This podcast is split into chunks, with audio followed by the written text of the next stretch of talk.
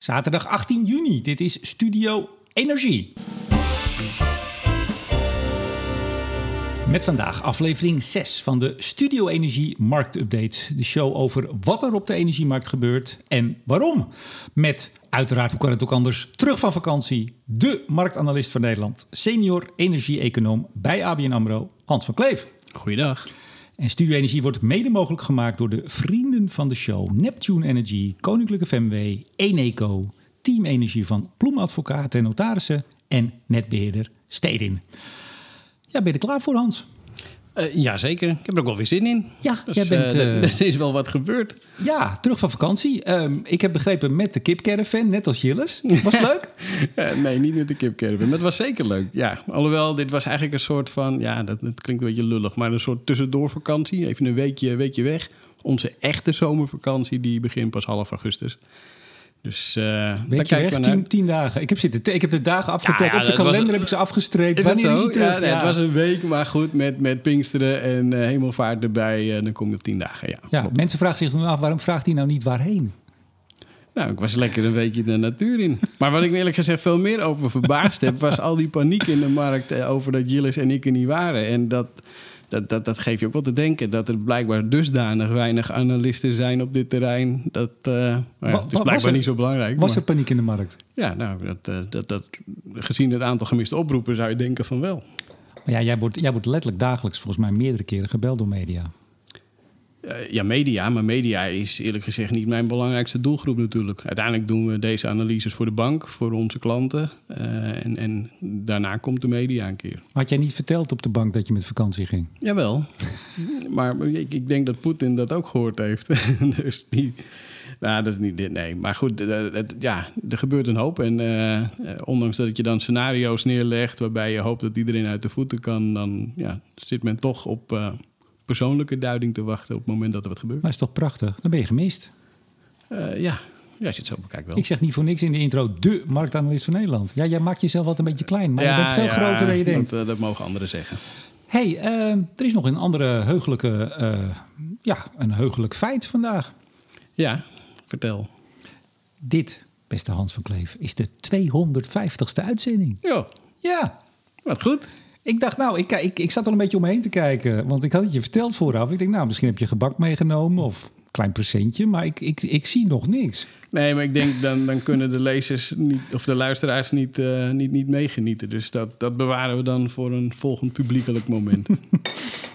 nou, ik ben, ik ben totaal niet van jubilea. Uh, van, van nou, 100. Maar een cadeautje nu was toch wel fijn geweest. nee, nee, nee. Ja, ja. nee, maar ik moet wel zeggen, ik, uh, nou, mensen die bij Soundcloud kijken, die zien 253 staan, maar we, er zitten er drie bij. Dat waren aankondigingen, ook voor diligentia en zo. Nou, dat zijn geen, geen uitzendingen. Ik moet wel zeggen, bij die 250 zit ook begin corona, toen ik dagelijks iets deed. Vaak heel kort, 10 minuutjes, dus die heb ik ook meegeteld. Nou, ik, ik vond zelf nogmaals, ik heb er niet zoveel mee, maar ik dacht, jeetje, 250. Nou, dat is wel een mooie mijlpaal. Ja. Uh, hele prestatie en, en nog steeds groeiende, als je tenminste de luistercijfers uh, bekijkt. Z zeker. En uh, ik zeg grote dank naar alle 250 uh, gasten. Nou, het zijn er iets minder, want een paar waren meer. meer. En jullie natuurlijk ook. Ja, Jilles, Henry, Letitia, noem maar op. Nou, ik vond het, ja, ik heb het niet zo vaak. Ik dacht, goh, eigenlijk best leuk. Want ja. je begint een keer. Ik, ik heb die microfoons gekocht. Ik, ik heb het op mijn computer aangesloten. Ik dacht, nou, ik ga gewoon beginnen. En zo ben je vier jaar verder, ruim vier jaar. En ja, meer, meer kan ik er ook niet van vertellen. Nee, maar ja, ga zo door, zou ik zeggen. Ach, dankjewel Hans. Ja. Wat, uh, wat een vertederende lieve woorden. Ja, ja, ja. Laten we beginnen. Yes. Want dat vroeg ik me nog wel af. Als jij, mensen zoals jij en Jilles, die echt... Ja, ik volg de markt ook heel sterk. Maar volgens mij doen jullie het nog, nog gedetailleerder. Jij zeker. Ja, ja, je hebt ook een verantwoording naar je, je, je klanten. Uh, ja. Dat de analyses echt kloppen en, en, scherp zijn. Als je dan terugkomt... Ja, want je, je lag er echt uit. Heb je, baal je daarvan? Is het dan een beetje van vroeger van, van vakantie naar school... dat je denkt, ik heb een soort achterstand, ik moet inlopen? Of...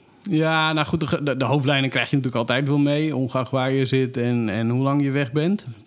Maar wat je vooral mist, is de, de, de finesse. En uh, ik heb er met collega toevallig vanmorgen nog over gehad... dat uh, ja, als je de markten volgt, dat, dat, dat, dat, dat voel je. Dat, dat, dat zit een beetje in je systeem. En, en dat gevoel raak je wel een beetje kwijt. Van, van hoe markten reageren. Normaal gesproken heb je aan een blik op het scherm genoeg om aan te voelen eigenlijk hoe alles er een beetje voor staat. Ja, en dat na een paar weken, dus tien dagen niet, hoor, maar na een paar weken dan, dan wordt dat minder. Dus dan, dan kost het echt weer tijd om er even in te komen.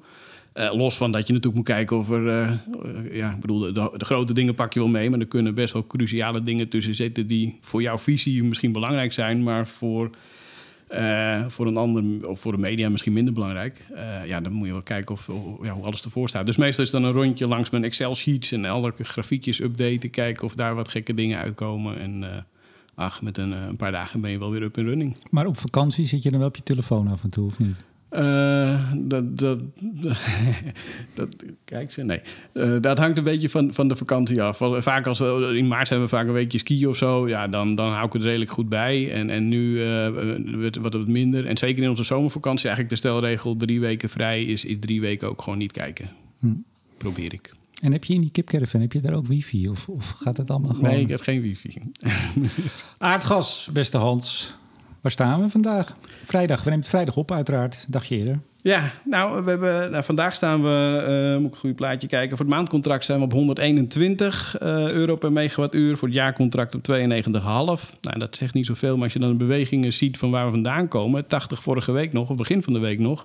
140 hebben we gezien gisteren.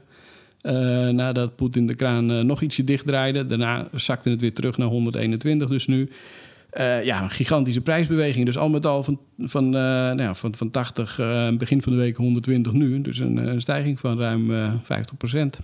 Snel uit mijn hoofd. Wat mij opvalt is dat op een gegeven moment de media ook een beetje moe wordt van iedere keer maar weer een record. Op een gegeven moment hebben ze de records wel gehad. Wel Een tijdje geleden, toen was het Ja.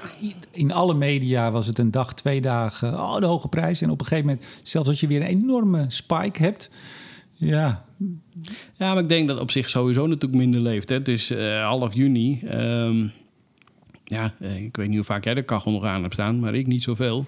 Zeker deze dagen niet met 30 graden buiten. Eh, sterker nog, dan gaat de airco weer eraan. Met andere woorden, ja, de, vraag naar gas is natuurlijk minder groot. Ehm, we zijn, of we, we als Europa, als Nederland zijn druk bezig om die gasvoorraden te vullen. Eh, dan, dan, ja, dan leeft het misschien, denk ik, in, eh, bij, bij, ja, bij de gemiddelde Nederlander in ieder geval op dit moment wat minder. En is het dus voor de media misschien ook iets minder interessant. Hoewel dat bericht over Rusland en minder gaslevering natuurlijk wel overal eh, genoemd werd. Ehm, ja, ja, 30 april hadden wij de laatste uitzending volgens mij. Zeg ik dat goed?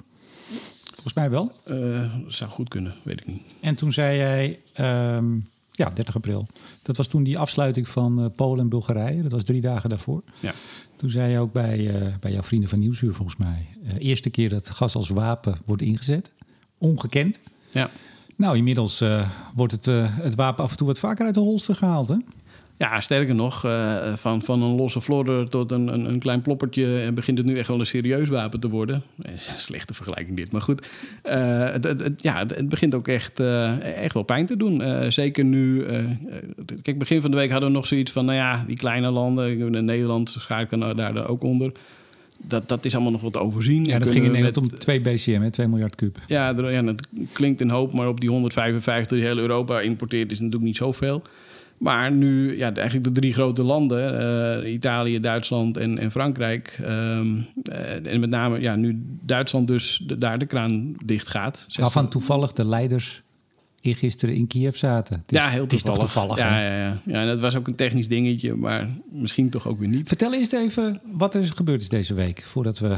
want Ehm, niet nou iedereen weet dat, Hans. Je hebt luisteraars die denken, Hans is terug en nou word ik bijgepraat. Nou word ik bijgepraat. Nou goed, deze week hebben we dus gezien dat eh Gazprom eh, de kraan richting Duitsland dichtdraaide. De Nord Stream 1 eh, pijpleiding. Op dit moment eh 60% minder doorvoer dan, ja, dan, dan vorige week, zeg ja, maar. aanvankelijk eerst 40% minder. Toen een dag later nog minder, dat was 60% minder. Nog zo'n 67 BCM. Of, pardon, nee, een miljoen kuub per dag. En wat was de reden? De reden, nou, er er werd gezegd dat er... eh, een, Wat, wat is de officiële een- reden en wat is Een de... compressor in onderhoud ergens in Canada zit en vanwege de sancties niet terug kan. Eh, nou ja, goed. eh, Maar, maar even serieus, ik, ik, ik heb er ook over getwitterd. Ik, ik, ik lees dat. Ja, dan zegt Duitsland, ik geloof Habeck, de minister van Economische Zaken, heeft gezegd: ja, dit is, dit is een andere reden, politieke reden. ja. Maar, maar we- weet jij echt hoe het zit? Nee, ik, nee ik, ik zit daar ook niet aan tafel. Nee, maar, Eh, eh, hoor je via kanalen. Kijk, want die, ze hebben dus, het gaat uiteindelijk om twee com- compressoren. Of twee Ja. com- compressorstations of whatever. Waarvan één in Canada zit en de ander die, die staat er nog, maar die moet eigenlijk in onderhoud. Ja, dus nou, dat zou kunnen. Ja, je moet wel eens wat in onderhoud. Ja. Maar het is toch vrij makkelijk voor anderen ook te checken om... eh, want dat bedrijf dat het in onderhoud heeft, die kan, ja, die kan je toch bellen? Ja, ik heb het ook niet gedaan, zeg ik er meteen bij. Maar, Ja, ik ook niet. Dus eh, geen, geen idee. Ja, we maar gaan, die, wel- gaan die antwoord geven? Dat is dan de volgende vraag. Eh, nou ja, weet ik niet. Je zou bijna denken, waarom niet? Ehm, Maar dan zouden... Nee, maar even serieus. Kijk, wij kunnen ook zeker niet- omdat Canada is. Die, ja, Ja, maar wij kunnen niet, eh, want echt, ik, ik zei nog tegen mijn vrouw van de week, ik kan echt nu van minuut tot minuut, je kan alles voor het is, er gebeurt zoveel en er is zoveel ook onbevestigde eh, eh, berichten Ja. en, en het, het is echt niet normaal. Dus je kan niet alles doen. Maar je maar- verwacht dat in Amerika of in Canada dan dat, dat het even gecheckt wordt door een medium die zegt, nou, we gaan even bellen. ja, maar eerlijk gezegd, links of rechts, of het nou komt omdat die compressor daar er staat... niet zoveel toe. of omdat een andere reden die kraan dicht is. Wat ik wel zie in mijn Bloomberg-scherm... is dat er gewoon 60% minder doorheen komt deze kant op. En eh, ja, en, en, en dat, en dat voelen we. En toen ging ik even, dat heb ik wel gedaan. Ik, ging, ik dacht, ik ga even bij, bij Nord Stream kijken. Want al die grote nou ja, energiepartijen noem ik dat maar. Die hebben altijd zo'n mooie eh, aparte website of aparte pagina waar ze hun onderhoud aankondigen. Ook voor elektriciteitscentrales, noem maar Ja. op. Eh, en toen zag ik dat die van 11 tot 21 juli sowieso helemaal dicht zit. Ja, dus elk, elk jaar in juli gaat die 9, 10, 11, nee wat is het? Ja, 10, 11 dagen dicht eh, voor onderhoud. En ja, dat staat voor dit jaar natuurlijk ook gepland. Ja, maar dat komt wel op een bijzonder moment. Nou nee, het komt niet op een bijzonder moment, want het is elk jaar halverwege juli. Dus op zich is dat niet Ja, punt. De grootste vraag komt- is, gaat hij daarna weer... eh, Nee, maar nu, eh, nu komt het wel op een bijzonder moment. Het moment is dan weliswaar bepaald. Want het is, de, de melding was van november vorig jaar. Maar het is wel zo dat als je nu zegt... nou, nu zitten we dus op 40% nog maar, 60% minder. Tot wanneer? Geen idee, zeg het maar. zeg Ja. het maar. Straks helemaal dicht. Laat ik zo zeggen, het past de Rus op dit moment wel. Ja, maar eerlijk gezegd, ja. Ja, tuurlijk, het past. Maar qua onderhoud vind ik dat een beetje, een beetje flauw. Want ja, dat, dat is elk jaar. Dus dat, dat voegt niet toe. Wat, wat het spannendste daarvan is, is of het nadat die volledig dicht is gegaan, zeg maar, voor het onderhoud, of je daarna weer opgestart Het wordt. zou zomaar kunnen dat het tegenvalt, Ja, het onderhoud. dat- dat- Hans, Je ziet het zo gebeuren. dat, ja. er, dat er een boutje en een moedje mist. Ja, en die, die moet uit Amerika komen en dat krijgen we niet. Ja. ja, nee, klopt. En wat gebeurde met Italië? Eh, nou, eh, eh, ik bedoel, van, van Duitsland hebben we in ieder geval nog een reden gekregen. Maar bij Italië ging de kraan gewoon een stukje dichter, 15% eraf.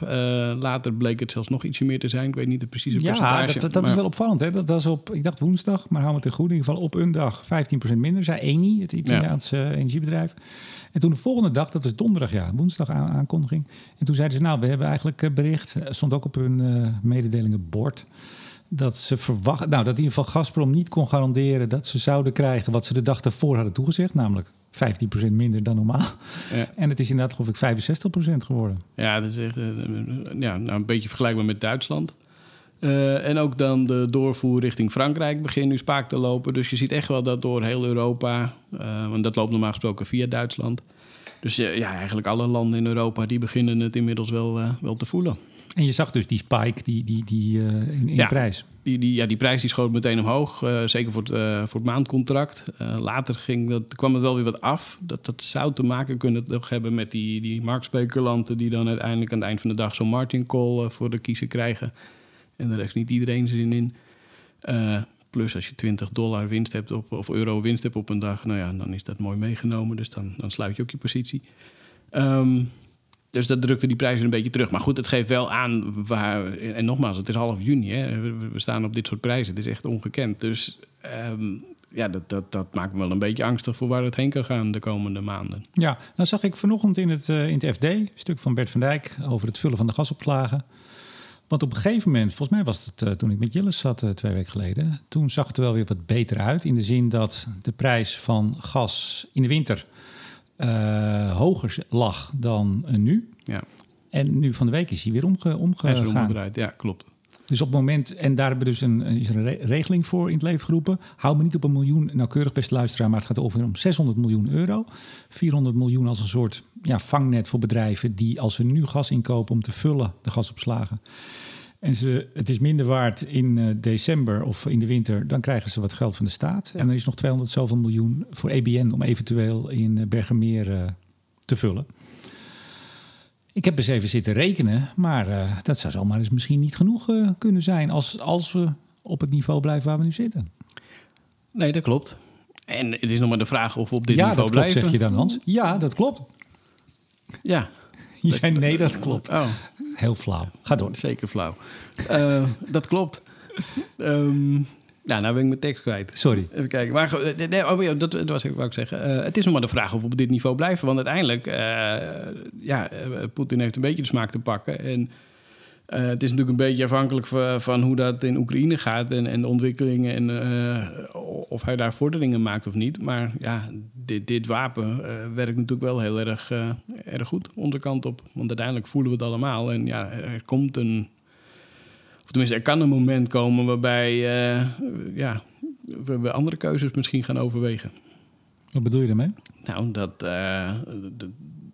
dat het wel heel erg pijn begint te doen. En dat je misschien Rusland op enige manier toch wat tegemoet moet gaan komen.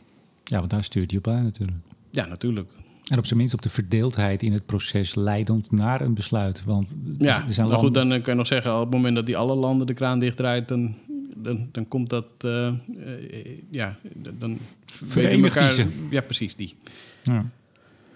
Maar weet je, ik zat op weg hier naartoe, eh, dacht ik nog eens. Hè, het begon met, jij noemde het geloof ik een, een verbale interventie. Hè? Ja. Ja. Nou, daar begon het mee. Proberen met woorden iets te doen. Toen begon het met eh, eh, een kle- klein eh, nou ja, aflopend contractje een paar maanden ervoor eh, Ja. af te sluiten. Eh, en we zijn nu dus al geëscaleerd naar gewoon niet eens meer een reden geven om Italië, een van de grote landen, gewoon 15% en uiteindelijk 35% minder gas te leveren dan Ja. eh, de, de bedoeling was. En wij kunnen iedere keer dit mooie, ik kan het met Jillis over twee weken weer doen en dan weer over, over een maand met jou. Maar we, we, zitten midden in een spel waarvan we nog lang niet de uitkomst weten. En ja, we kunnen iedere keer mooi die stapjes beschrijven. Nou, wat is er nu weer gebeurd? Maar het is natuurlijk wel echt heel bijzonder. Ja, het is bijzonder. En uiteindelijk is het ook wel een spel. Het, het, is een heel linkspel. Ik vind het ook een beetje raar om het spel te noemen, eerlijk gezegd. Eh, want het is natuurlijk super triest eh, als je kijkt wat voor gevolgen het verder heeft natuurlijk. eh, zeker in Oekraïne. Ehm, maar trouwens ook in andere delen van de wereld. Maar daar komen we zo Maar waarschijnlijk het nog is, eh, op. be- best, beste meneer Van Kleef, het gaat natuurlijk om een schaakspel. Het Nee, is, dat het is niet een ticketje buiten spelen. en, nee, nee, eh, nee. Vlechtjes in je haar. Het is Nee, maar goed, uiteindelijk, wat, wat, wat zijn dan de volgende stappen? Ja, goed, eh, dan ga je naar... Of tenminste, ja, we, ofwel die kraan gaat helemaal dicht... of we moeten op een of andere manier elkaar toch zien te vinden. Nou ja, dat laatste, dat lijkt vanuit Europa geen optie. Eh, ja, dus dan, dan zou je in ieder geval verwachten... dat we ons eh, schrap gaan zetten en echt voor gaan bereiden op, op een volledige stop. En is dat niet volgende maand, dan is misschien die maand erop of daarna... maar die, die lijkt er op deze manier wel ik- aan te komen. Ik, denk, ja, ik, ja goed, jij, jij bent hier de analist. Eh, ik denk niet dat het een volledige stop wordt. Dat hoeft ook helemaal niet. Ik bedoel, als je ziet wat er nu al gebeurt, er zijn nog een paar tandjes erger. En dan is er een enorme verdeeldheid en ruzie straks binnen Europa. Ja, maar het is maar net hoe ver wil Poetin ons... ehm, ja, op- op welke kaart heeft hij nodig om straks aan tafel te gaan zitten? En Ja. ja, is, is dit voldoende? Of, of moet er nog een, eh, een tandje bovenop? Of schepje bovenop? Zeg het maar. Tandje bij. Kijk, op dit moment, want je zou, zeggen, je zou kunnen zeggen, want dat was ook een beetje bij sommige analisten het idee van, nou, we gaan in de aanloop naar de winter wel weer wat zien. Nou ja, dit doet hij nu misschien deels symbolisch, omdat de drie leiders van de grote landen in Kiev waren in, eh in vrije tijdskleding. Iedereen gaat er in vrije tijdskleding, hè? Dat, dat valt je niet op? Nou, dat was me niet opgevallen, nee. Maar Nou ja, het is ook logisch. Je, kan- je kan daar moeilijk bij een, een leider die in een land in oorlog in zijn t-shirt zit, dat jij met je driedelig kostuum aankomt.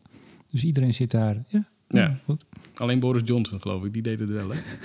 Ja, maar die wil heel graag eh, bijzonder zijn, hè? Ja. Eh, nou ben ik mijn draad kwijt. Nou ja, dus dat, dus dat is een aspect. Dat hij even wil laten zien op de dag dat ze eraan komen. Hij heeft het ook wel eens gedaan om, eh, t- om, om wat bommen te gooien... op de dag dat ze met de trein kwamen. Ik weet niet Ja. wie dat was. Maar de andere kant is natuurlijk... eh, dat deze stuk ook vanochtend... het vullen van de gasopslagen. Dat is nu lastiger. Ja, En duurder. Dus daar pakt hij nu. En straks, ja, wie weet wat er dus vanaf september, oktober die kant eh, richting winter op gaat. Ik zag dat de Bundesnetzagentuur-baas in Duitsland, die, die steunt het voorstel om wat in Duitsland bestaat. Ik weet niet of je het vanochtend gezien had. Ehm, daar moeten verhuurders van huurwoningen ehm, die eh, mo- moeten garanderen dat eh, de kachel op 20 à 22 graden eh, brandt. En Ja. er is nu het voorstel in Duitsland en de Bundesnetzagentuur die steunt dat om dat naar 18 eh, te brengen, verplicht. Of max, minimaal 18. Dus dan mag een verhuurder het op 18 zetten en s'nachts op 16. En ik weet niet of je dat bericht vanochtend zag in, eh, in Australië. Daar heeft de Ja. minister van Energie nu gezegd van nou, wie kan, eh, zou dat wel heel erg fijn vinden als je s'avonds uh, is twee uur lang geen Ja. stroom meer gebruikt. Ja, en ik schreef ook dat dat is de, de laatste stap voor gewoon ra- eh, rantsoenering. Voor het opleggen. Ja. Ja, goed, nou, zover zijn we denk ik nog niet. En ook, nou, dan kom je een beetje terug op dat, eh, dat, dat gascrisisplan wat we hebben natuurlijk. eh, voordat we als huishoudens aan de beurt zijn, eh, dan, dan, dan zijn we nog wel even verder. En ja, dan hebben we altijd Groningen nog, zeg ik dan maar. Vuilbrief zat gisteren bij op één, hè? Oh, die heb ik even gemist dan. Ja, hij zei alleen als... maar goed, hij had volgens mij geen nieuws. Ik vraag me wel eens af waarom een bewindspersoon bij een talkshow gaat zitten. Meestal doen ze dat om of iets voor te bereiden. Ja, verkiezingentijd meestal toch? Verkiezingen, nou, dat Ja. zeker. Maar als het geen verkiezingstijd is, dan is het meestal of om... eh, eh, als, als er heel hard geroepen wordt om verantwoording af te leggen, dan toch maar. Of om iets eh, vast in de week te leggen. Maar hij zei volgens mij niet heel veel anders. Alleen in het allerlaatste redmiddel zou Groningen zijn. Hij zegt bijvoorbeeld als de Duitsers, vond ik ook wel een bijzondere... dat wij toch ook leveringsafspraken hebben met Duitsland. Als daar in ziekenhuizen mensen in de kou liggen en, en doodgaan... Zegt, als, ik, als ik dan naar de Groningers ga, dan denk ik dat we een ander... Nou, ik parafraseer Ja, hem goed, maar dat valt eigenlijk gewoon onder de, de, de, de ja, zeg maar standaard eh, club eh, met afnemers die, die een soort van garanties eh, krijgen. Maar de rest natuurlijk niet. En ja, bij mijn weten is er... Ja, we hebben natuurlijk wel dat, dat elf eh, stappenplan, dat gascrisis zeg maar gebeuren. Ehm, maar eh, bijvoorbeeld in het bedrijfsleven zijn er bij mij weten nog steeds geen lijstjes bekend. In ieder geval niet eh, buiten het ministerie eh, over wie nu wanneer aan de beurt is. En, en hoe dan en hoeveel en hoe lang enzovoort. Dus, maar dat is wel iets waar we toch steeds serieuzer rekening mee moeten gaan houden. Nou, de kolencentrales die gaan nog steeds niet, niet harder. Nee, dat is niet nodig. Hè? Ja, ze gaan wel harder, maar niet in Nederland. Ja, precies. Ze gaan in Azië harder. Ja. Ja. Maar ik, ik, ik heb wel het gevoel, dat zie je een beetje in de uitlating ook van de minister. eh, hij is nu bezig om te kijken of het toch niet. Dus de beperking die op 1 januari is ingevoerd, wat al door het vorige kabinet, nou inmiddels bijna twee jaar geleden in de week is, of eh, hoe zeg je dat, is, is opgestart. Ja. Het had heel veel voet in de aarde voordat het was ingevoerd. 1 januari dit jaar.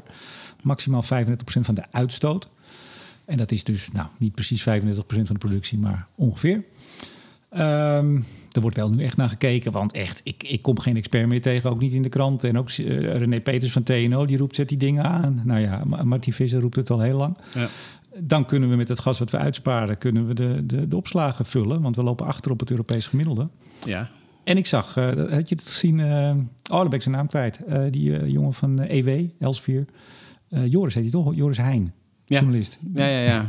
Die is een account begonnen. Stook Sta- alweer op gas. of- sta- op staan de kolencentrales al. Ja, ja, precies. Dat is, ken je die account van de eh, Elfstedentocht? Elfsteden Daar moest ik erg aan denken. Ik denk Ah. dat hij die ook kent. Ehm, eh, dat is dan in het Fries. eh, iets van Giri Dallon. Ah, oké. en dan ja, ja. Iedere, iedere dag een tweet. Al jarenlang nee. Nee. Oh, die, oké, ja, ja. Ja, ik ken hem wel over een ander onderwerp, maar laten we het over Siebert maar niet hebben. Oh, jee. maar dan heb je ook zo'n Oh, eh, ja, is- is het Twitter-account geld al van... terug? Ja, precies, zoiets. Ja. Ja. God, dat is ook wat, hè, die, die jongen. Toch? Ik zag bij die rechtbank met zijn met zijn vrouw. Ja, ik heb het niet zo gevolgd. Maar ik, ik nu over dat Twitter-account heb, eh Oh, schiet het met de je wil het er ook niet over eh, hebben, geloof ik. Nou, ik vind het niet zo relevant voor, eh, voor, voor deze doelgroep, toch? Nee, maar Hans, ik zie je weer. Ik, ik, wil, het, ik wil gewoon lekker met je, met je Ja, lekker babbelen. Ja, nee, heel goed. Dus, ik eh, had net op de weg hier naartoe, ik had weer een Greenwheels genomen. Want ja, treinen. Nou ja, goed, daar zeg ik maar niks meer over. Had ik lekker sterren.nl. Dat zijn Hollandse hits. Oh, ik, ik ja. zit, ik ja, dat is wel jouw ding, hè? Ja. Nou, af en toe. heb Af je en die toe nieuwe single gehoord van Jan Smit? Leuk hè? Met Waylon, met Willem. Nou, goed. Ik, ik merk nu ook dat dit totaal buiten de orde gaat. Dus dank Wel, om mij eh, recht goed, te zetten. we? We gaan door. Ehm, ja, nou ja, nee, maar wat, wat ik zei, het grotere plaatje, daar hebben wij nog helemaal geen, eh, geen, eigenlijk nog geen zicht op. Wij kunnen keurig iedere keer vertellen wat hij nu weer gedaan heeft met die Poetin. En dat gaan we dus over een tijdje gaan we dat zien. En dan kunnen we nog eens uitzending Nee, maar maken. goed, wat je wel doet, en dat doe ik natuurlijk voor de bank... eh, en eh, ik neem aan dat grote bedrijven dat allemaal doen... Is, is in scenario's kijken van wat zou er kunnen gebeuren. En ja, ik, we hebben natuurlijk zelf een aantal scenario's. Eh, ja, ons basisscenario van een maand of twee maanden terug... begint wel aardig op het negatieve scenario te lijken... waarbij we gewoon afstevenen op een volledige boycott van olie en gas... richting Europa.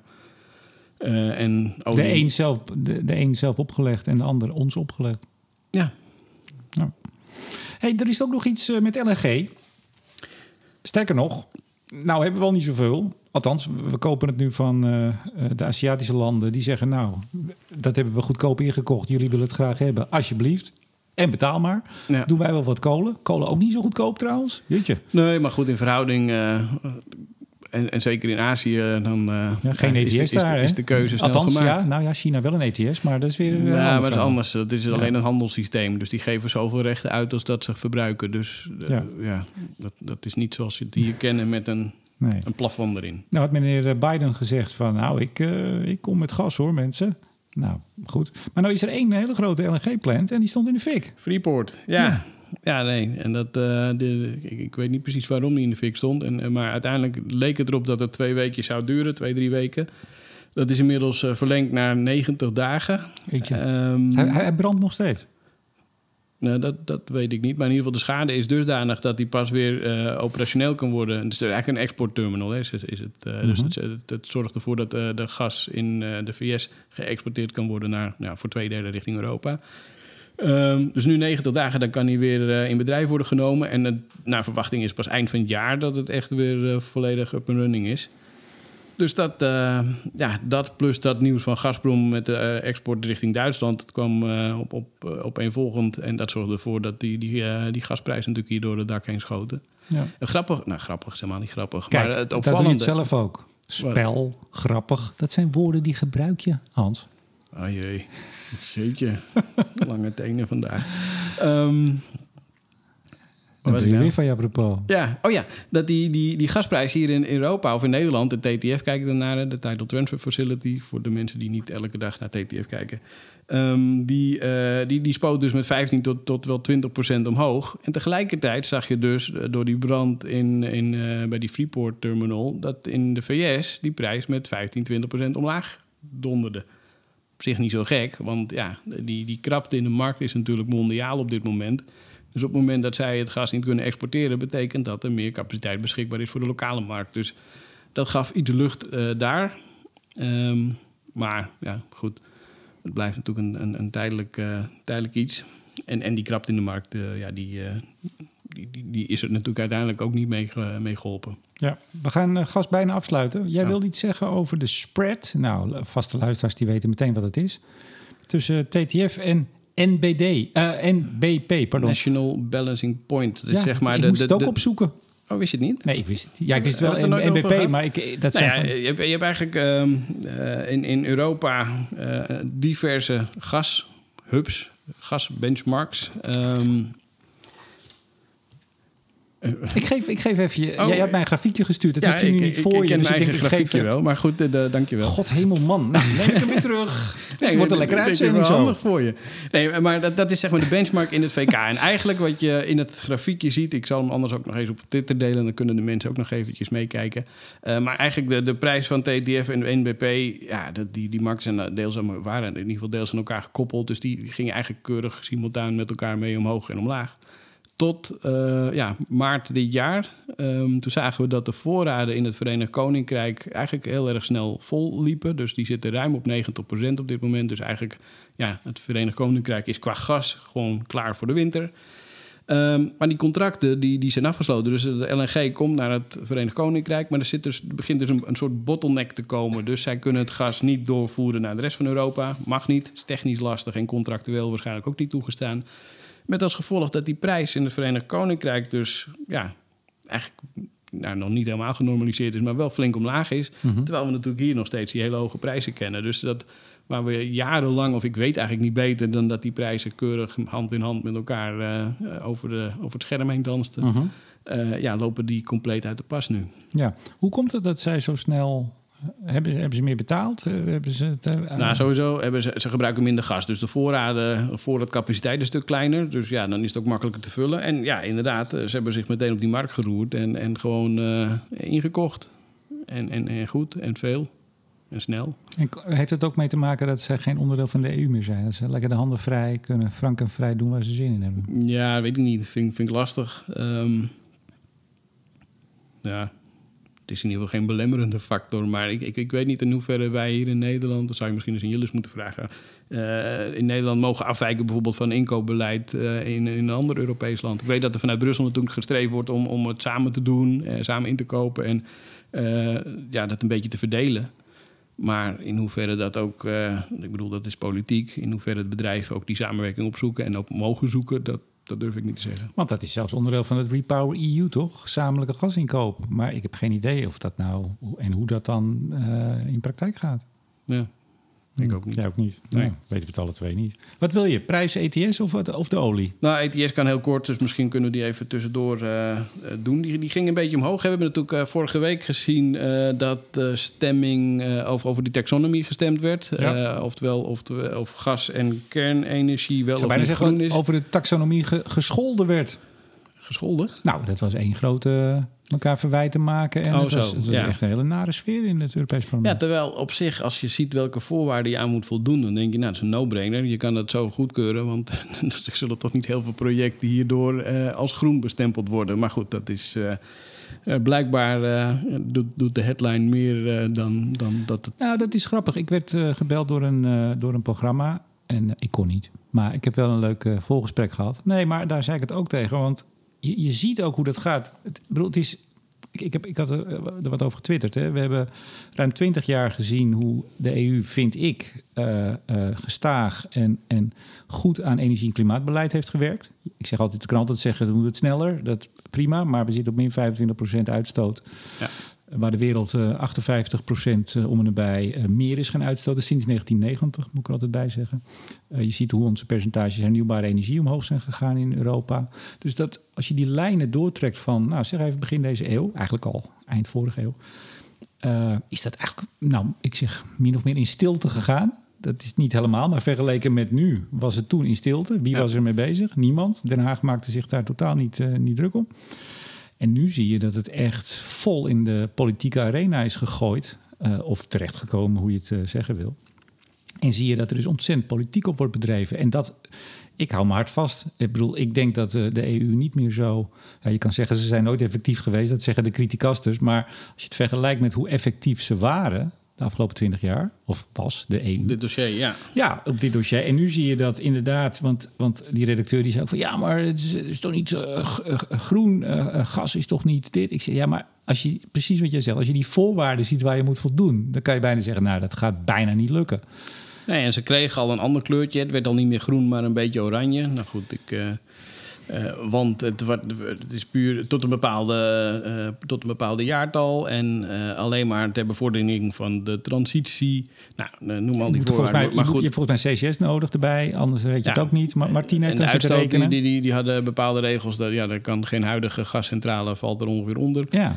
Dus eh, in die zin denk je van waarom al die, die, die ophef. Maar, nee, maar dan zie je bijvoorbeeld met, met uh, ik geloof Bas Eickhout en, en uh, nou ja, de, de groenere kant, die spelen dit enorm op. Terwijl de facto is, er, is er bijna geen gas wat onder die taxonomie zal vallen. En da, dat is dus het politiek maken was een onderwerp. En goed, politici zijn er om politiek te bedrijven, dat is hun vak. Maar voor een, een gestaag vorderend Europees energie- en klimaatbeleid is dit geen goede ontwikkeling. Nee, klopt. Er is een compromis, hè? Ik, ik, er is een compromis bereikt. Over die uh, eh, ETS-hervorming. Ja, ja. Nou, een aantal partijen, maar er moet nog gestemd worden in het Europees ja, Parlement. Dus ik, ik heb vanochtend nog even de, het erbij gepakt. Dus het was vorige week, uh, als mensen dit horen, misschien al bijna twee weken geleden, was het Hommeles. het ging inderdaad over de, de ETS-rechten. En daaraan gekoppeld de, de CBAM, de, de Carbon Border Adjustment Mechanism. Vooral de afbouw van de gratis rechten. Nou, daar is met name nu ook een compromis over bereikt. Moeten we daar de luisteraars mee lastigvallen? Nou, 2027 beginnen met de afbouw en dat is dan in 2032 klaar. En de ene partij wilde 235 en de andere 230 en dan kom je ja, ongeveer niet nee, goed, we bouwen af. Maar er moet over gestemd worden inderdaad nog uh, volgende week. En volgende maand moeten de, de, de regeringsleiders of de, ja, de, de landen er nog over stemmen. De ja. lidstaten. Nou, wat eigenlijk vooral opvalt ook, want dat was inderdaad ook wat ik had opgeschreven, dus, dus dank daarvoor, dat scheelt mij weer. Uh, maar, die, maar die prijzen bewegen er eigenlijk nauwelijks op. Uh, en dan, ik heb nog eens gekeken van hoeveel posities staan er überhaupt nog uit. En, en dat zijn er helemaal niet zoveel meer. Dus toch met al die hogere prijzen die we gezien hebben, zie je toch dat eigenlijk al die marktspeculanten, nou ja, allemaal, dat is wel erg veel, maar eh, een groot deel van die marktspeculanten inmiddels toch aan de zijkant zijn gaan staan. Uh, en uh, ja, in ieder geval hun posities op dit onderdeel hebben gesloten. Mhm. Waardoor ja, dit soort nieuwsberichten veel minder impact hebben dan dat ze misschien een maand of twee maanden terug zouden hebben gehad. Ja. Ja, ietsje langer terug. Maar, en dus wat je dan overhoudt, is dat er vooral de handel is eh, tussen partijen die die recht ook echt gebruiken. Nou, ja, daar, daar was het systeem ook eigenlijk voor bedoeld. Dus in die zin eh, nou, zijn die hoge marginkosten er ergens goed voor. Ja, nee, ik, ik kijk ook even naar de ETS-prijs. 8 juni zaten we op 79, 80 euro. En dat liep op tot 15 juni 86. Maar gisteren ging je naar 83. Is dat dan toch omdat er in het Europees Parlement weer overeenstemming is? Of? Ja, dat kan. Maar goed, er, er wordt natuurlijk ook onderling nog uh, steeds in gehandeld elke dag. Dus ja, dat, dat die koers een beetje omhoog of omlaag gaat. Gisteren al die beurzen kukelden ook omlaag. Dus uh, ja. ja, een beetje, beetje winst nemen hier en daar, dat, uh, dat, dat, dat zie je natuurlijk. Hm. Maar, ja. Wist jij dat er de afgelopen week een klimaattop in Bonn was? Nee. Nee, ik ook niet. Hij was er wel? Ja, nou, het is niet zo'n top à la de kop, maar het is eigenlijk een voorbereidend, uh, voorbereidend uh, overleg met, met alle 200, ik zeg altijd maar alle 200, 200 landen. Nou, ook uh, hommeles en, en ruzie. Euractiv had vanochtend een mooi bericht, althans. Europe accused of hip hypocrisy as Bonn climate talks close without a deal. Maar het, het, viel mij vooral op dat, nou ja, dat ik het gemist heb. Je mist wel eens wat. Maar ik dacht er zelfs kijken of alles volger Hans het gemist heeft. Maar jij dus ook. Ja, nee, maar uh, klimaatconferenties worden niet verhandeld op de financiële markt. Dus dat uh, staat misschien iets minder op de radar. Maar normaal gesproken had ik dat misschien wel gezien. Maar dan Nou, dat, dat zal nog een uh, dingetje van de vakantie zijn. Misschien. Nou, ik vraag me af hoeveel van de luisteraars... meldt u anders even op social media. Ja, een polletje starten misschien. Hè? Een polletje. Ja, een polletje. Nou, het, het, het, gaat vooral over een groot twistpunt is de loss and damage. Uh, het loss and damage punt in de zin van ja, in hoeverre uh, westerse landen uh, moeten gaan aftikken aan opkomende landen voor alle schade die wij de afgelopen, nou pak een beetje 150 jaar hebben aangericht. En daar zijn met name de opkomende landen, of de ontwikkelingslanden zoals we vroeger zeiden, die zijn nogal pissig. En nog steeds is dat, dat hele financieringsdeel, die 100 miljard die er per jaar vanaf 2020 ja. moest komen aan, aan geld voor de wat minder rijke landen is nog steeds niet geregeld. Zitten nog steeds over de soepbatten. We zitten inmiddels in 2022. Hè? Terwijl je eigenlijk zou zeggen dat er wel een schepje bovenop mag nu met ons LNG-beleid, ons gasbeleid en alles. Ik weet niet of je de berichten gezien hebt uit Pakistan, eh, uit Sri Lanka. Uh, waar ja, ze enorme tekorten nu hebben. Wat niet zo gek is, want alles komt deze kant op. Ja, Sri Lanka, dat staat zo'n beetje half op instort, hè? Uh, economisch. Ja, dat, ja, dat is echt ongelooflijk. Uh, en ook ongelooflijk triest. Ik bedoel, de, de, de voedseltekorten, nou ja, brandstoftekorten dan. Dus de hele economie ligt op zijn gat. Toerisme doet het niet meer. Uh, armoede die, die, die neemt uh, hand over hand toe. Inflatie van, van 40, 50 procent. Dus ja, en hoeveel landen gaan er, gaan er volgen, is dan de vraag. Maar nou, ik niet dat ik het antwoord weet, maar het is wel, wel triest. En dat heeft natuurlijk deels te maken met ja, toch het beleid wat wij hier voeren nu. Ja. Weet jij wel waar de, de, de COP, COP 27 wordt gehouden eind dit jaar? Je, ik wist, het, ik wist het ook niet. dit soort vragen doorgeven. nee, maar het is hetzelfde. Hoeveel mensen weten dat nou? Dan geef ik hem je. Het is, je kan er met de kipcaravan naartoe. Het is in Egypte, Sharm el-Sheikh. Oh, kijk. Nou. Dus volgens mij is dat een vakantieoord. Volgens mij ook. Maar in november. Nooit geweest. Had ik ook helemaal gemist. Maar ja, ik val gewoon totaal door de mand als iemand. Mag je ja. zo ver met de Green Wheels? Uh, ik denk dat het van de Green Wheels wel mag. Maar of, of het aan te raden is, dat weet ik niet. Oh. Anders ga ik op de fiets. Wij gaan van de zomer weer lekker fietsen in Nederland. Lekker. Ja. ja. Al, ik merk wel, ik, ik was even een beetje aan het oefenen. Uh, in de zin van weer wat kilometers maken. Ik heb gewoon zo'n hele zware, zo'n stalen herenfiets. Zo'n dubbel frame. Dan heb jij nog geen elektrische? Nee, dat ga ik, dat ga ik echt niet doen. Maar ik, poeh, ik, uh, nou, ik heb niet zoveel meer gefietst. Uh, ook in corona wat minder. En dan nog zo'n zware tas erop. Nee, ik word ook een dagje ouder, Hans. Ja, Goed. Nou, een beetje, nou, fietsen zelf verleer je niet, zeggen ze. Nee, maar... fietsen lukt wel. hey, olie. Ja. Waar staan we met de olieprijzen? Daar beginnen we altijd even mee, hè? Ja, is wel, dan weet het weer. Maar eigenlijk, uh, ik denk, ik weet niet waar we het vorige keer stonden, maar we staan nu op 120. Volgens mij toen ook ongeveer zoiets. Uh, voor Brent, WTI, ietsje lager, 117. Nou, klaar.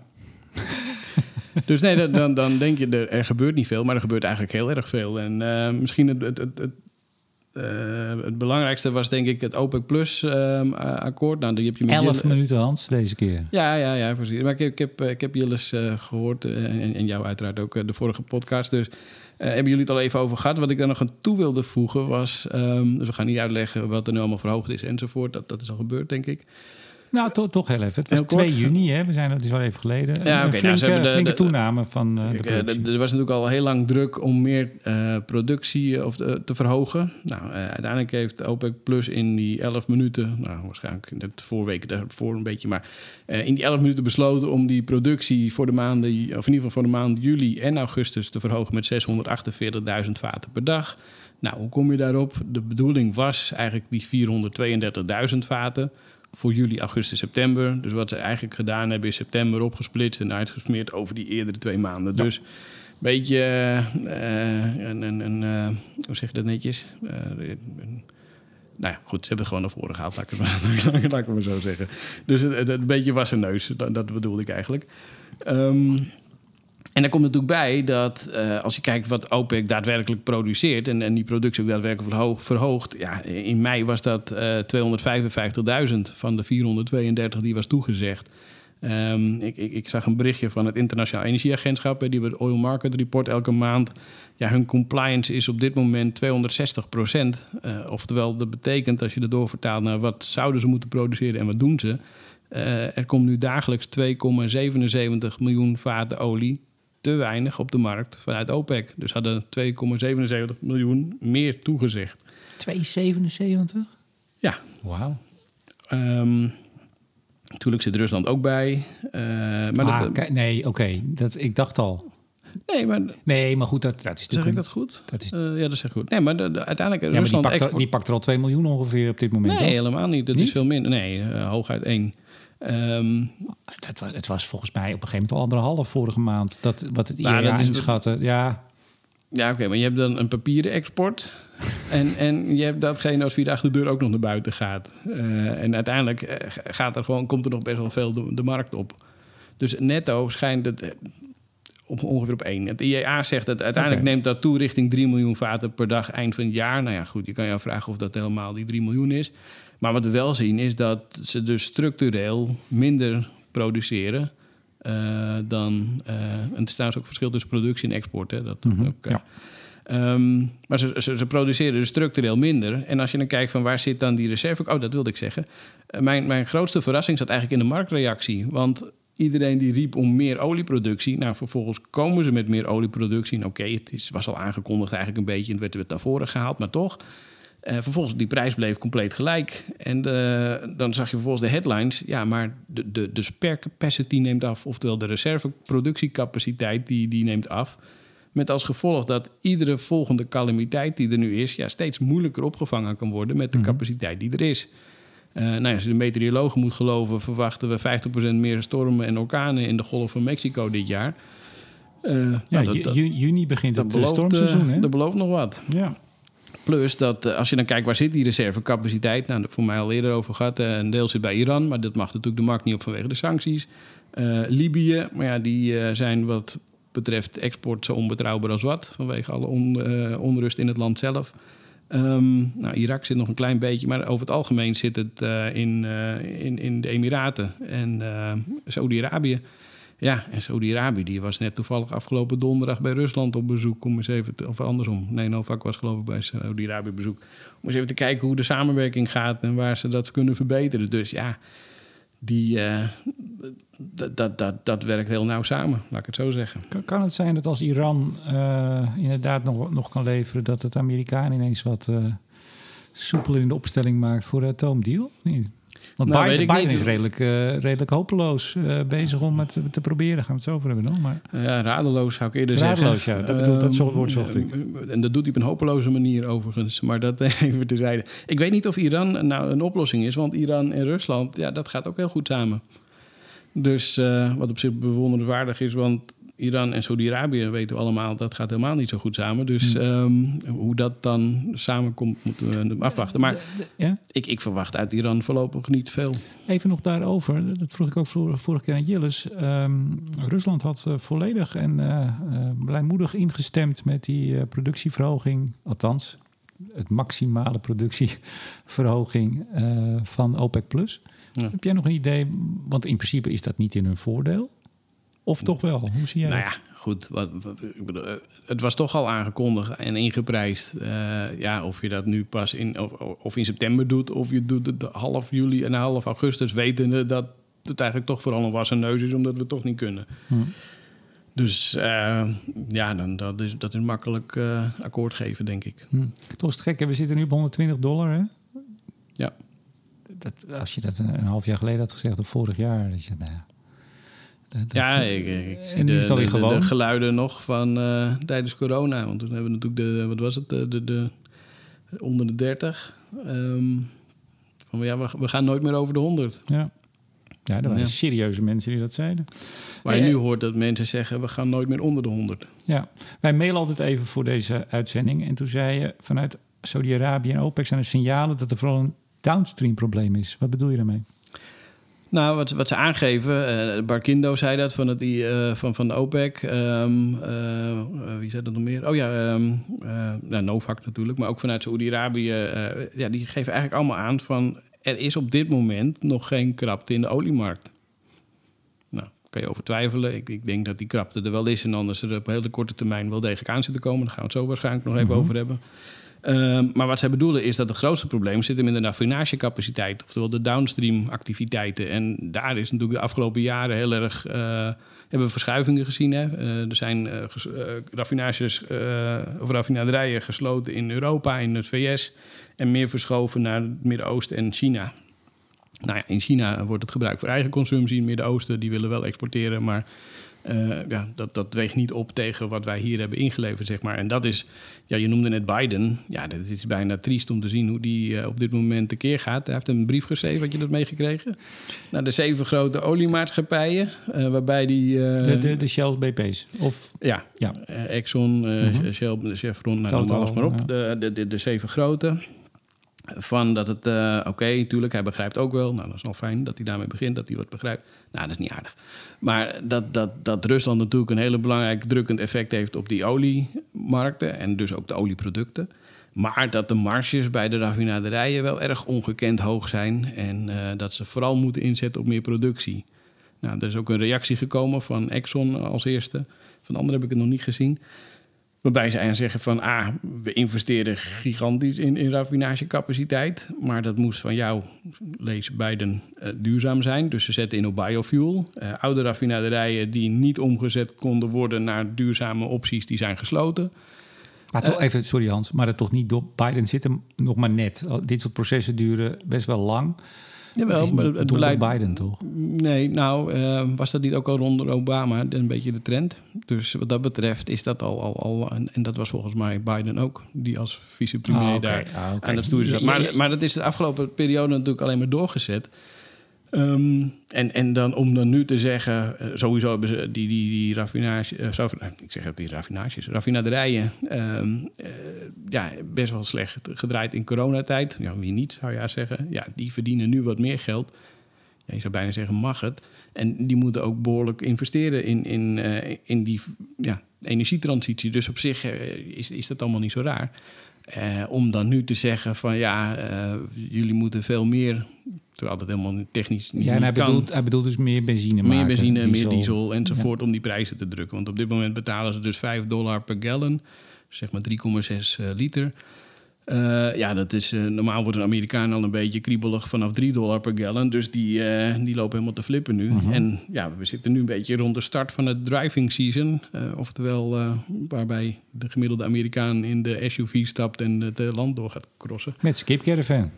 Uh, het zal wel chicken zijn dan, denk ik. Het zal wel de chicken ja. zijn. Heel goed, Hans. Wat goed. leuk. Wat ja. goed, wat scherp van je. Ja, maar ik zag ook een stuk uh, sign of demand destruction emerge in the US. Ja. Wat, uh, wat betekent dat?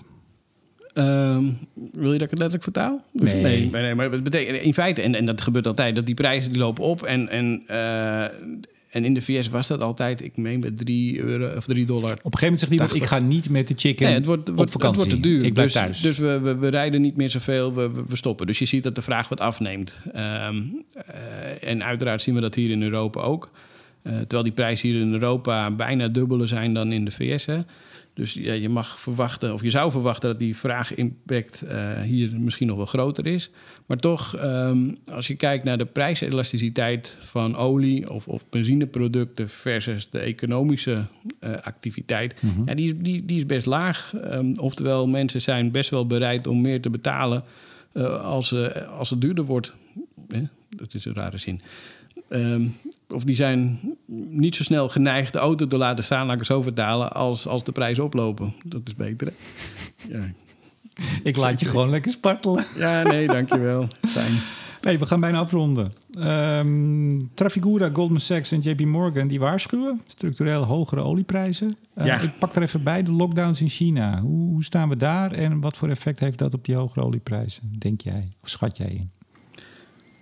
Ehm, nou ja, goed, om met China te beginnen, zie je de, de eerste lichte stappen om die, die lockdowns te verminderen. Dat betekent dat, uh, dat de vraag toeneemt, uh, dat um, de, de industrie weer een beetje op gang komt en, en China zich toch weer wat meer gaat roeren op die oliemarkten. Um, kan dat dus als OPEC Plus zegt van nou, het zit vooral in downstream, in het maken van producten, niet zozeer in het olieaanbod. Zal dat, dat nog verder versoepelen van die lockdowns? Want daar lijkt het op in China. Heeft dat Ja, wel dat- echt, echt substantieel effect? Nou ja, dat, dat zorgt er in ieder geval voor dat eh, ook die, die, die krapte zeg maar, in de olieproducten misschien door zou kunnen schuiven naar de, de- naar de, naar de crudemarkt zelf, naar de oliemarkt zelf. Eh, en eerlijk gezegd eh, verwacht ik daar ook wel krapte. Je noemde die, die drie partijen. Trafigura had het over een parabolic state. Oftewel, als je een parabool hebt en helemaal aan de rechterkant... ga je de grafiek uit of, ja, de, qua, qua krapte. En, en die zien dus echt recordhoogtes. Nou ja, we hebben in 2008 149,5 dollar gezien. Zij verwachten dat we er overheen gaan. Goldman Sachs heeft het over een gemiddelde prijs van 140 in Q3. Dus dat betekent ook dat je flink boven die 140 uit kan. JP Morgan die heeft het zelfs over 175 die we zouden kunnen halen dit jaar. Ehm, en, en ja, dat, dat, dat brengt mij dan meestal een beetje in verwarring. Want normaal gesproken zag ik Goldman Sachs toch een beetje als de contra-indicator. Ehm, maar eerlijk, ik, denk, ik ben het wel met ze eens. Ik, ik zie ook die krapte ontstaan. Ik zie ehm, eh, dat, dat je normaal gesproken met dit soort prijzen in een fase terechtkomt... waarbij je normaal gesproken heel veel gaat investeren in, in upstream activiteiten. Eh, ja, wie gaat dat doen? De, de, de grote olies niet. Schalie eh, het zou een optie zijn, maar daar zie je het ook niet. Hè. Dat- waarom de grote olies niet? Want ze kunnen heel veel geld verdienen. ja, we zitten in energietransitie. Dus eh, wie gaat er nu... ehm, kijk, voor, voor schalieolie, dat zijn projecten van 1 tot 3 jaar. Nou ja, dat is nog redelijk kortlopend. Dat zou je het risico kunnen nemen. Maar doen ze nu niet, om, om allerlei redenen. Eh langere termijn trajecten ga je nu niet doen. Dat betekent dat die... En ook vanuit de nationale oliemaatschappijen... zie je die investeringen ja, in de Emiraten, in Saudi-Arabië. Daarom zit daar nog wat reservecapaciteit. Maar verder zie je dat ook niet of Nou, maar nauwelijks. waarom niet dan? Als, als, je dit, als dit de vooruitzichten zijn, dan zeg je... jongens, kom op, we gaan nog een veldje boren. Nou ja, 120 dollar per vat. Het is nu ook wel lekker. Ja, Dat is eigenlijk, ja. Maar goed, dat heeft wel eh, de impact op de economie. Ehm, en natuurlijk, eh, op een gegeven moment kan je zeggen, dan, dan zien we een impact op de vraag. Ja, maar die, die is. En, en dan is de, de, de, de, de puzzel waar we nu een beetje mee worstelen, is van is de impact op de vraag, dus, dus de, de, de, de lagere vraag door de Ja. hoge prijs, is dat genoeg om die afname van het aanbod te compenseren? Snap je wat ik bedoel? Ja, ik snap alles wat jij zegt, Hans. Maar ik weet niet of de luisteraars het nog snappen. Nou, dat bedoel ik. Denk je dat de luisteraar dat nog snapt? Nee, maar kijk, Saudi-Arabië zei op een gegeven moment ook... of dat waren de analyses toen het OPEC Plus besluit kwam op 2 juni... van ja, die willen niet een te hoge olieprijs... anders krijg je dus de demand destruction. Daar hebben we het net over gehad. Dus het is inderdaad... Ja, maar als jouw supply disruption sneller gaat dan je demand disruption, Mhm. dan stijgen de prijzen nog steeds. Ja. En dat is een beetje waar ik bang voor ben. Dat ehm, als er niet meer in geïnvesteerd wordt, hè, want uiteindelijk willen we niet investeren, want we zitten met z'n allen vinden we in een oliesubstitutiefase. We, we gaan weg van olie, we gaan richting de alternatieven. Maar die alternatieven zijn natuurlijk nog, ja, die zijn er wel. En zeker hier in Nederland gaat dat best snel. Eh, maar als je kijkt in andere delen van de wereld, eh, daar, daar, daar moeten ze nog beginnen als het ware. En, en, en de mondiale olievraag die zit nog steeds rond die 100 miljoen vaten per dag. Neemt niet zo snel af. Maar het aanbod wel. 5% per jaar is gewoon weg op eh, nat- natuurlijke uitputting. Dus als je niet investeert, dan, dan gaat het aanbod Maar straks heel uiteindelijk snel wordt het toch weer vanzelf, nou vanzelf, wordt het toch weer geïnvesteerd. Nou, als dat er- wordt dus het spannende. Om, wie gaat dat dan doen? En eh, ik bedoel, Rusland is een van de grote drie. Nou, die wordt nu weggezet als een paar jaar. Eh, ik bedoel, niet dat dat niet terecht is. Maar Mhm. die, die, daar kan je niet meer op rekenen. Nou, de VS die kijken heel erg naar de cashflow. Oftewel, dat, dat, en hebben allerlei andere issues hè, met, met milieueisen, maar ook met een tekort aan arbeidskrachten. Dus die kunnen niet meer Ja opschalen. maar, ja, maar wacht even, sorry. Eh, Hans, Amerikanen, eh Schali, eh, eh, relatief kleine partijen met, met venture capital gefinancierd. Namen niet zoveel risico's meer, want et cetera. Maar als het straks naar de 140, 175 dollar gaat, dan, stap, dan stappen die toch ook weer in die financiers. Nou, dat is dus de vraag. Want ik heb jou, ik, jij bent een vrolijke man. Ja, Dat zou je niet altijd zeggen, maar jij bent een vrolijke man, Zeker. dat weet ik. Maar jij bent, kwam je van de week tegen. Ik heb ergens een column voorgedragen, daar zat jij in de zaal. En Dat was een, ik kreeg wat reacties na afloop ook via de mail dat het een, een, een donkere column was. Nou, dat was het misschien ook wel. ja.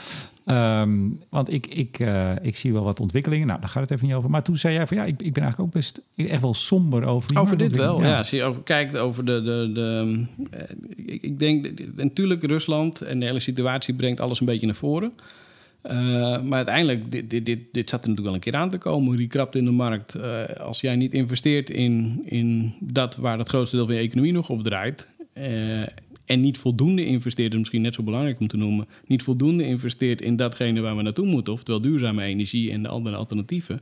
ja, dat gaat spaak lopen. Maar wat, wat is dan spakelen? Eh, Schetsers, wa- waar gaan we naartoe? Wat gebeurt er? hoge prijzen, Ja, oké, eh, ja, maar dan. ellende, eh, Maar dat raakt de hele economie, want dan moet je Ja. producten mee maken. En die producten worden duur of die worden schaars en Ja. et cetera. Nou goed, en dat, dan kom je een beetje van, kunnen wij het betalen? Ja, we zijn heel vermogen, dus dat scheelt. Maar nou, ik noemde net Pakistan, Sri Lanka. Dat, daar zie je nu de impact al. Ehm, en en dat, dat, daar ben ik bang voor dat dat steeds verder gaat. Ja, en hier krijg je vooral in het Rijke Westen krijg je politieke impact. Ja, Dat zag je van de week al, want dan eh, bij de voorjaarsbegroting, nou, tot, misschien toch nog wel een potje gevonden om toch iets meer te compenseren. Maar als en we hoe lang ga je compenseren? Ja, precies, dat bedoel ik. En zeker bij dit soort bedragen. En, en sowieso compenseren, dat, dat, dat komt uit algemene middelen, dat betalen we ook zelf. Tuurlijk. Ehm, Nee, maar de roep daarom komt dan. En als je naar dit soort eh, olieprijzen gaat en het doorwerkeffect in de hele economie, dan heb je nog eens eh, enorme inflatie, mede door die hoge energieprijzen toch. In ieder geval in Nederland is het een, een hele bepalende. Eh, in die zin zit, zit meneer eh, Poetin natuurlijk ook voor een flink deel aan om zijn inflatieknop te draaien. En nu zie je al dat er ook weer problemen zijn met, eh, met het financieren van de schulden van de zuidelijke Europese lidstaten. Ja. Dus we kunnen echt in een, nou laten we het niet te somber maken, maar het kan op alle vlakken mis. Dus ook, ook monetair. En ik lees al artikelen dat het toch echt het voortbestaan van de euro dan weer echt serieus in gevaar is. De ECB heeft minder knoppen om nog aan te draaien dan Draghi had, wanneer was het? Tien jaar geleden? Ja, nou ja, goed, oké. Laten, we- laten we het nu vooral bij olie en gas houden. En, Oh, en je, niet buiten je, buiten je, je dinges, hè? Er zitten allemaal mensen van de bank mee te luisteren. Dan pakken ze hun zweep en hoor je zo... Nee, nee. Ja. Dat valt wel mee met die zwepen. Maar Maar we dat, kijken het wel ehm, aan. Hè? Nee, maar, maar inderdaad. En eh, ja, heel erg positief eh, ben ik er niet Ik over. denk dat die boodschap wel is overgekomen. Over. Heb jij nog iets voor de vooruitblik, Hans? Nee, ik denk ik eh, doe het eens net als Jilles. Ik denk dat ik het, eh, het eh, blokje vooruitblikbaar eens moet gaan schrappen. Als op een gegeven moment je, je Nee, gasten, je mede-analyst of je, je gastanalisten, mede-presentatoren niks meer voor de vooruitblik hebben, dan, dan is de eindigheid van het item wel in zicht. Denk ja, ik. denk je? Oh, Dat denk nou, ik. Is die boodschap ook een keer naar overgekomen. Nee, maar goed, zeker in deze marktomstandigheden heeft vooruitblikken. Ik bedoel, ja, het zijn dezelfde thema's als de afgelopen weken. Dus dat, dat blijft. Ik, ik ben bezig met een stukje over de, de, de, de, de zonne-energie. en, en hoe dat de afgelopen tijd is ontwikkeld. Dus die zal ergens eh, volgende week wel uitkomen. En eh, ik, ik ben aan het kijken naar mijn olie- en gasprijsramingen. Nou ja, wie, wie het weet mag het zeggen, zou ik haar zeggen. Want, maar ze zullen vast niet naar beneden worden bijgesteld. Dames en heren, u hoort het van de marktanalist van Nederland. Wie het weet, mag het zeggen. Nou, ik heb één dingetje. Ik had het laatst even gezegd. Ik vind het ontzettend leuk. Maandag leid ik een, eh, ja, een soort ja, ronde tafel. Nee, dat is het eigenlijk niet. Eh, in het kader van het eh, eh, staatsbezoek van de Deense kroonprins met zijn dame aan Nederland. Eh, Nederland-Denemarken. Ik heb zes ehm, ehm, politiek bestuurders uit Nederland. En ik heb zes of zeven partijen uit Denemarken aan, bij elkaar om over de wan- warmtetransitie in Nederland te praten. En ook in Denemarken. Daar hebben ze ook wat ervaring. En eh, nou, misschien kunnen we er wat van leren. Vind ik heel leuk.